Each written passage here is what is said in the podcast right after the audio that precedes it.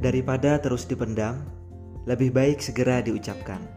Selamat datang di podcast Berucap.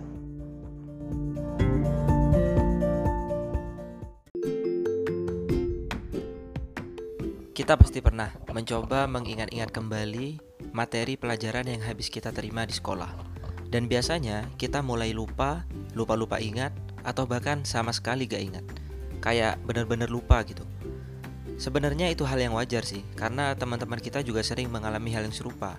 Kita memang cenderung mudah menghafal, tapi lebih sulit saat mengulang atau mengingat. Orang yang mudah menghafalkan sesuatu tidak menjamin dia juga mudah dalam mengingatnya. Kalau kita tanya ke santri atau anak-anak yang menghafal Al-Quran, mayoritas mereka bakal bilang kalau mengingat itu lebih susah daripada menghafal. Nah, gimana sih tips yang ampuh agar kita memiliki daya ingat yang bagus? Saya jadi teringat dulu waktu SMA, saya pernah membaca kisah inspiratif di salah satu surat kabar. Diceritakan di situ bahwa ada seorang perempuan berusia 90 tahunan yang masih bugar dan kemampuan mengingatnya masih stabil. Biasanya orang-orang lansia kan udah mulai menurun daya ingatnya, tapi nenek ini tidak. Saat ditanya kenapa masih sehat dan hafalannya masih kuat, beliau menjawab bahwa semenjak kecil hingga saat ini dirinya menghindari konsumsi daging. Kalau gak salah istilahnya tuh mutih. Mungkin itu alasan kenapa nenek ini masih sehat walafiat dan fisiknya masih bugar.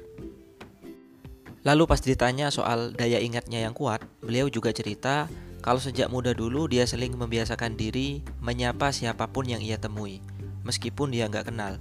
Nah, kalau sama orang yang dia kenal, nenek menyapanya dengan menyebutkan nama lengkap orang itu. Dari situlah kata nenek kenapa dia mempunyai ingatan yang kuat seperti sekarang.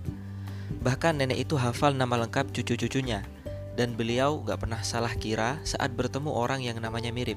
Misalnya, dia Andi A atau Andi B. Nah, nenek gak pernah salah tebak.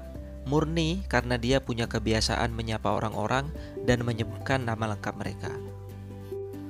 Saya juga terinspirasi dengan cara nenek ini. Jadi sekarang saya berusaha menyapa orang sesering mungkin. Lebih-lebih saya kenal sama orang itu. Bahkan kontak WhatsApp teman-teman saya pun saya tulis dengan nama lengkap mereka.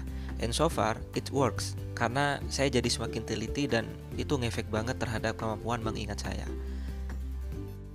Teman-teman juga bisa melakukan metode ini. Memang terkesan old school sih, karena intinya tuh sering diulang, sering disebut dan sering disinggung. Tapi dengan cara ini, kita agak perlu luangin waktu khusus untuk mengulang atau mengingat. Kita cukup biasakan diri untuk menyapa orang dan mengingat nama lengkap mereka. Jadi kalau kita nyapa teman dan gak tahu nama lengkap dia siapa, maka kita harus tanyakan segera supaya kita tahu dan jadi ingat terus.